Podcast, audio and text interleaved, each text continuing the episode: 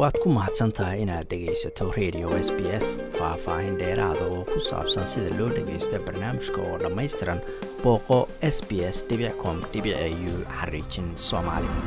Anaga waxaan nahay guddiga xalinta khilaafaadka doorashooyinka dadban guddigeena wuxuu yahay waa guddi ka shaqeeya xalinta khilaafaadka ka dhalan kara doorashooyinkaasi dhacaya oo aqalka sare ama golaha shacabka ee soomaaliya ka dhacaya. Guddiga wuxuu ka kooban yahay koo iyo labaatan xubnood kuwaasi oo laga soo doortay labaiyo toban xubnood oo ka yimid dowlad goboleedyada iyo sagaal xubnood oo heer federaal laga soo magacaabay. Kow iyo labaatankaas xubnood ayuu guddiga ka kooban yahay. Sidoo kale guddiga wuxuu xarumo ku leeyahay dowlad goboleedyada oo dowlad goboleed kasta oo saddex xubnood oo guddiga kamida ay ka shaqeynayaan. Sidoo kale xarunta dhexe ee magaalada muqdishona waxaa joogaan guddoonka guddiga oo halkaas ku shaqeynayaan. Guddiga waxa uu ka shaqeeyaa xalinta khilaafka ka dhalan kara kuraastaasi oo doorashooyinkooda ay qabsoomayaan. Markii ay doorashadaasi qabsoonto waxaa u soo dacwoon kara guddiga ergada amase codbixiyayaasha ka codbixinayaan kuraastaasi doorashadooda qabsoomi karta. Sidoo kale waxaa u soo dacwoon karaan musharaxiinta u kuraastaasi inay qabtaan.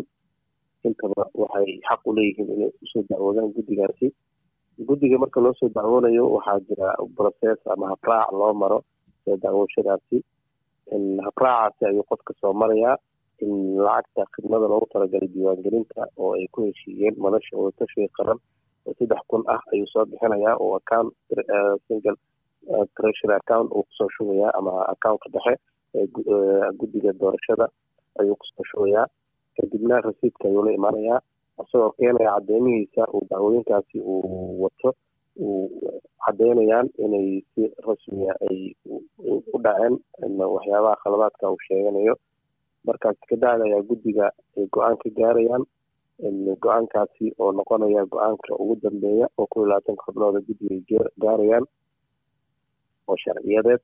Sidoo kale haddii ay dhacdo madasha watashiga qaran ee dib u eegis ay ku samaysana wuxuu noqonayaa eegistaasi go'aanka ugu dambeeyo oo aysan qiyaad kale oo ka dambeysa aysan go'aan kale ka soo saari karin sidoo kale guddiga maamul goboleedyada uu ka shaqeynaya ama dowlad goboleedyada uu ka shaqeynayay ilaa hadda waxaa soo gaartay laba dacwadood labadaas dacwadood oo si rasmi u soo gaartay. Mid ka mid a xal rasmi ayaa laga soo saaray wuxuu ahaa kursigii magaalada muqdisho yaalay ee gobollada waqooyi oo gobollada waqooyi lagu matalayay go'aanka kiisiilo waa uu dhammaaday. Haddana kursi kale oo dhanka galmudug ah ayaa dacwadiisa la soo gaartay. Waxaana rajeynaynaa insha allah guddiga inuu go'aan rasmiga ka soo saari doono waktiga ugu horreeya maxaa yeele guddiga dacwada markay soo gaarto doorashada markay dhacdo kursiga saddex maalmood kadib ilaa saddex maalmood muddo ah ayay ku soo gaari kartaa cabasho wixii ciddii qabta. Saddexdaas cisho ama toddobaatan laba saacadood gudahooda markay ku soo gaarto dacwadaasi guddigu wuxuu haystaa toddoba cisho uu baaritaan ku sameynayo oo go'aan rasmiyan oo ka qaadanayo. Marka dacwadda ahna hadda ilaa afar maalmood maanta ayaa shan ah shantaas cisho ayay nala taalaa laba cisho gudahoodana oo toddobadii maalmood ay kaanaysana inaan go'aan rasmiga aan ka soo saarna ayaa waajiba. Kadibna afar labaatan saac gudahooda aan gaarsiino ciddii ay khusaysay dacwadaasi la soo gaarsiisay.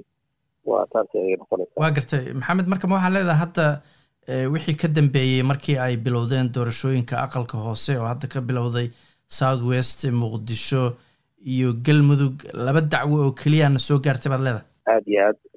Saa og tahay dacwooyinka dadka soomaaliyeed badanaa waxa ay isticmaalaan dhanka mediaha ayay u isticmaalaan inay dacwadooda ku soo dejistaan ayagoo idaacadaha ka hadlaya tviyada ka hadlaya social media hadda oo soo kordhay ayadana uu qof walbaba si shaksiya uu soo dhiibanayo ra'yigiisa oo uu leeyahay aniga dacwadaas ayaa qabaa waa la idulmiyey qaladkaasaa la iga galay laakiin dacwaddu waxay rasmi noqonaysaa markuu qofka soo baxo uu yimaado xarunta guddiga ay kuleeyihiin dowlad goboleedka amase xarunteena dhexe uu yimaado oo si rasmiya uu isku diiwaangeliyo.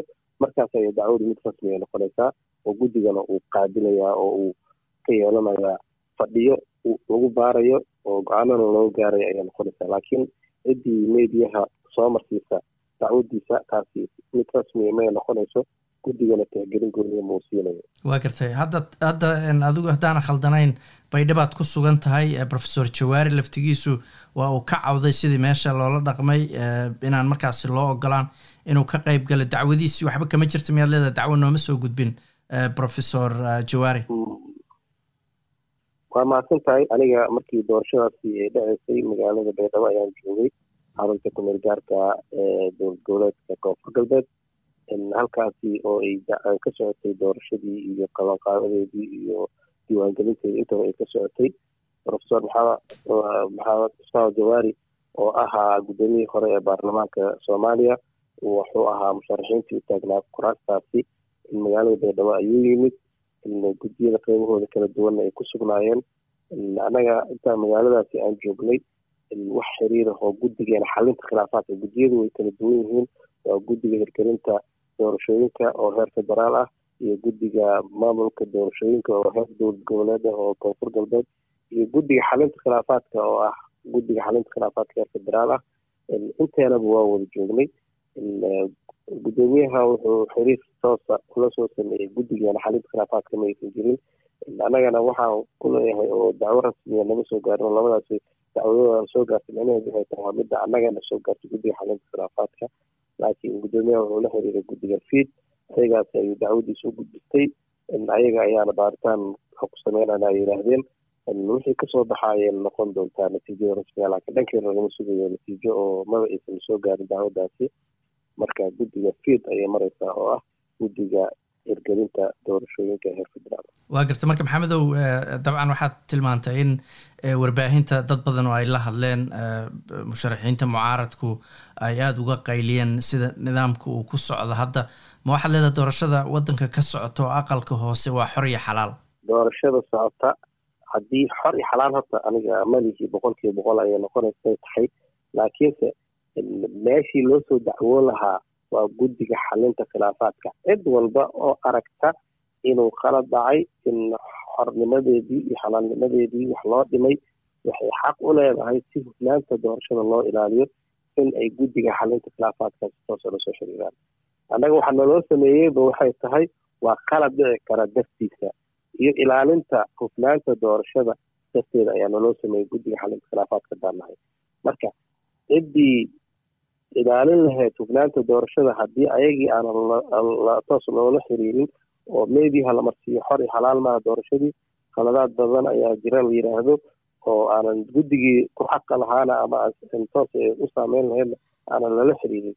Taasi waxay caddeynaysaa ama ay kusiinaysaa in aysan qofkaasi uusan dooneynin hufnaantaasi inay banaanka imaato guddigeena waxaan diyaar u nahay inaan ilaalino hufnaanta doorashada waana shaqadana loo igmaday oo mas'uuliyaddeeda nala saaranaya waa garta waxaa jiray musharax xildhibaan oo mid ka mida warbaahinta dhowaan la hadlay oo yiri markii layga qaaday tobankii kun oo lagu diiwaangelinaya xildhibaanka kun dollar oo kaleo qeybtood c i d da ku baxday baa loo diiday inuu ka qeyb galo tartanka. Markuu idinka in la soo xariirin waxaa lagu yiri saddex kun oo kala keen. Marka sidaad sheegtay qof lacagtiisiina hore looga qaaday loona diiday doorashadii. Saddexda kun miyaysan shuruud ku adag ahayn iyagoo weliba aada mooddo inaysan kalsooni weyn ku qabin guddigiina inay wax u qabtaan. Saddexda kun oo khidmadda ah oo la bixinayo ma aha mid guddiga xalinta khilaafaadka ay go'aankeeda gaareen maaha.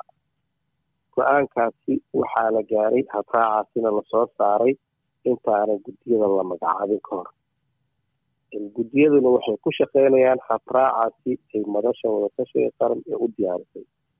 Annaga madashaasi go'aanadii lagu soo saaray oo ummadda soomaaliyeed ay wada og tahay oo xildhibaankaasi xildhibaan hore ayuu ahaaye baarlamaanka ayaa la geliyey qodobadii ama habraaci lagu heshiiyey. Uu soo ansixiyey asaga. Uu qeybta ugu weyn oo u ololeynaysana uu ka mid ahaa dadkaasi.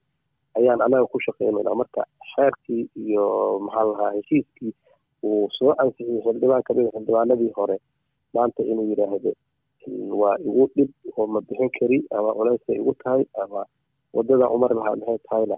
Macquul maa taas tan labaad haddaan ka hadlo qadiyadaasi khaaska ah xildhibaankaasi aniga waan is aragnay waan ka wada hadalnay laba qodob ayay ahayd barnaamijka. Mid waa kursigiisii oo isaga u tartami lahaa oo noqday qoondada haweenka saa og tahay soomaaliya waxaa lagu heshiiyey in boqolkiiba soddon la siiyo haweenka. Jufadiisa amase lafta uu ka dhashay qabiilka uu ka dhashay wuxuu leeyahay saddex kursi. Saddexdaas kursina wuxuu noqonayaa mid kamida saddexdaas kiskood kiisa wuxuu ahaa sababadii hore rag ayuu ahaa hadda onekii ama laba kun labaatan koodi waxaa laga dhigay qoondada haweenka ayaa kursigiisa laga dhigay.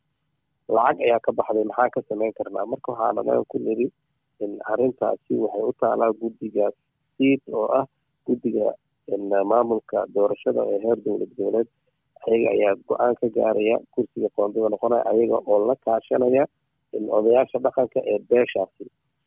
Marka go'aankaas haddii isla gaareen annaga wax gooniyaan ka qaban karna ma laha. Wuxuu i weydiistay lacagtii qarashkii iga baxay sideen ku heli karaa. Waan ka wada hadalna ayadana waa arrinaan ani asaga ka wada hadalnay oo aan niri bal wadadaas iyo wadadaas ayaan u mari karnaa laakiin ayadoo arrintii wada isla ogol ee noo aheyd ayaan waxaan maqlay warkan kaleo ka dambeeyey oo ah in uu dacwad kala qabo ah marka dacwadda qofka qabo mar walbaba waddada loo mari lahay iyo habraaca loo mari lahaa waa mid cad oo annaga guddigeena ay soo bandhigeen oo aan la wadaagnay dhanka mediyaha ha ahaato idaacadaha tviyada social media intaba ku baahinay. Marka habraacaasi qofka inuu soo maro ayaa waajib ah. Markuu soo maro anaga dacwadiisa waan qabanayna. Laakiin wixii wada talasiin ah oo walaaltinimo ah gooni ah taas ayagana waa la siinaya qofka waa garta marka maxamedow sidaad sheegtay haddii kursigaas xildhibaanku hore u hayay gabdha loo qoondeeyey waa wax la fahmi karaa. Marka sidee lacag marka diiwaangelin oo dhowr iyo toban kuna looga qaada haddiiba gabdho keliya loo qoondeeyo. See inta lacag looga qaaday diiwaangelina haddana loogu diido la yiri gabdhaha iskale soo markaas khalad hore lagama gelin. Waad mahadsan tahay. Horta lacagta diiwaangelintu ma aha mid lagu bixinayo xafiisyada guddiyada ma aha. Lacagta diiwaangelinta adiga maanta oo jooga australia waxaad awoodaa inaad lacagta diiwaangelinta hadda aad bixisid ama meesha ay joogto. Waa account international ah oo ka furan bangiyada dalka ku yaalo oo ama xataa dibadda aad ugu soo shubi kartid dahabshiil bank ayaa hadda maanta melbourne uga soo shubi kartaa oo australia uga soo shubi kartaa. Kadibna rasiidkaas aa heshid ayaad la imaan kartaa. Marka qofku wuxuu awood u leeyahay inuu mar walba asaga uu shubto. Marka asaga ma ahan inuu xafiiska guddiga uu ku soo shubay laakiin wuxuu ku soo shubay waxay ahayd waa accountkii ay lahaayeen guddiga. Rasiidkii ayuuna la imaaday xafiiskii guddiyada. Marka taas adi farsamo ahaan waxaana weydiin karaa guddiga siid qaabka ay ku dhacday iyo qaabka ay u suurtowday laakiin annaga guddiga xalinta khilaafaadka waxaa mar walbaba aan ka shaqeynayna waxay tahay waa xalinta khilaafka yimaado. Ayadana waxay u baahan tahay brocess iyo habraac loo soo marayo. Habraacaas marka uu soo marana diyaaraan u nahay inaan xallino waa garta xildhibaankaasoo kale lacagtiisa in loo soo celiyo ma ballan qaadaysa hadduu habraaciini soo maro lacagta saddexda kun bixiyo? Annaga habraaca markuu soo maro waxaan ka shaqeynaynaa waxay tahay qaladka dhacay muxuu yahay horta ma ahan keliya annaga in lacag iyo qarashuu baxshay iyo goonidaas kale maaha. Laakiin kursigan xaq ma uu leeyahay. Kursiga ma doorashadiisa ma si saxa u dhacday ma qaabka u dhacda ayaan rasaadinaya. Laakiin lacag celin iyo barnaamijkaas in ku saabsan wuxuu kala xiriirayaa guddiga heer dowlad goboleed ee ku shaqada leh doorashooyinka ayagaas ayuu barnaamijkaas kala hadlaya. Laakiin annaga wixii dacwaa oo kursigaasi qaabka u dhacay doorashadiisa u dhacday ayaan annaga xaq u leenahay inaan ka hadalno waa garta maxamed haddaan dib ugu noqdo professor jawaari kayskiisa hadallo kala duwan baa baa suuqa ku jira. Dabcan isagu wuu hadlay. Ma loo diiday inuu tartanka ka qayb galo mise khilaaf kalaa jiray? Sidee arrinta professor jawaari ku dhacda? Annaga guddiga xalinta khilaafaadka haddaan nahay ilaa hadda baaritaanku maana sameeyin. Baaritaankeenu wuxuu bilaabanayaa marka ay dacwadda si rasmi ay noo soo gaarto oo uu noo soo dacwoodo musharaxa ama sacadbixiyaha dacwadda qaba laakiin ilaa hadda dacwadi dacwadii kiiskaasi dhankeena sooma gaarin laakiin waxay la taalaa guddiga heer federaal ee hirgelinta doorashooyinka. Ayaga ayaana go'aan rasmiya ka soo saari doonaan wixii xaaladda ay maraysana ayaga ayaa laga wareysan karaa. Waa garta maxamedo waxaa sidoo kale soo baxayay eedo ka soo baxayay xildhibaanada lagu dooranayo muqdisho gaar ahaan kuwii ka soo jeeda gobollada waqooyi somalilan waxaa jiray dad ka cawday oo yiri xataa ergadu beelihii loogu talagalay kama soo jeedin. Waxaa jiray kursi sagaashan iyo sagaal ka mida hal xildhibaan doortay laba ka midana hallaabeen qofkii kalena eber helay. Marka haddaad guddigii khilaafka tihiin ma waxaad leedahay waxaasu waa macquul in laba xildhibaanoo tartamaysay midkood uu lixdan sagaashan iyo sagaal helo midna zero helo. Annaga waxaan samayn karnaa markii qofka musharaxa ama sicodbixiyaha ah uu dacwadiisa si rasmiya uu noogu soo diiwaangeliyo uu noo yimaado oo aan baaritaan ku sameyno ayaa waxaan dhihi karnaa boqolkiiba sagaashan inuu helo qofkaani waa sax amase qofkaani inuu boqolkiiba sagaashan hela waa qalad. Markaasaan dhihi karnaa. Laakiin inta ka horeyso case aanna soo gaarin oo aanan baaritaan ku sameynin oo aanan ogaanin qaabka ay ku dhacday iyo qaabka sababta waxa u noqon kara aanan ogaanin kama jawaabi karni mana dhihi karni waa sax amase waa qalad ma dhihi karni laakiin kaysaska doorashooyinkii somaliland ee la qabtay gobollada waqooyi ee la qabtay hal kays ayaa dacwadiisa si rasmi ee loo soo gaartay. Halkaas kaysna si rasmi ayaa uga sii hodnay oo aan ku xalinay in kayskiina soo gaaray xaaladii markaas ay soo gaartay.